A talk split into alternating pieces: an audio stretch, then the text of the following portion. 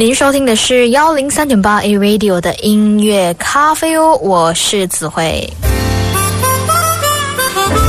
所以接下来要说到的就是为什么人类要转变，然后去吃这种昆虫类食品呢？那一方面呢，确实是因为刚才说到的食物缺少的这个问题。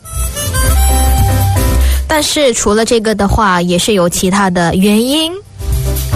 那根据联合国粮食以及农业组织 UNFAO 的分享呢，食用昆虫对于人类是有很多的好处的，因为呢，昆虫它其实是含有高质量的蛋白质，然后有维生素和氨基酸。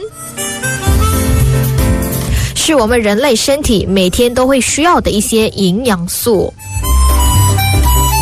而另外一个理由呢，其实是跟我们的世界暖化问题是有关的，就是跟 global warming 这方面是有关，所以是跟保护地球、保护世界是有关联的喽。因为呢，专业人士呢有解释说到了，当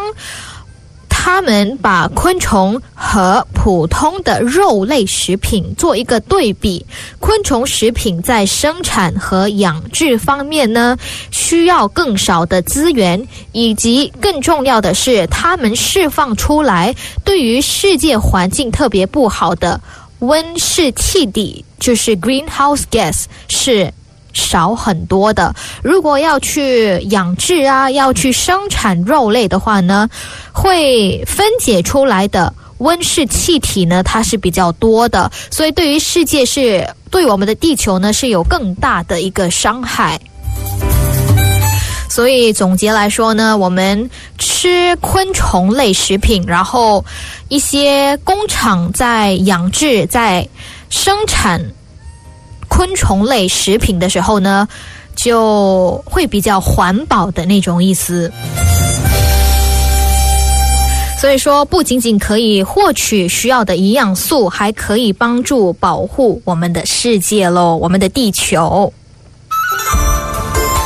所以，其实有机会的话呢，还是可以去尝试一下啦，只要是在安全的状态之下，还蛮 OK 的。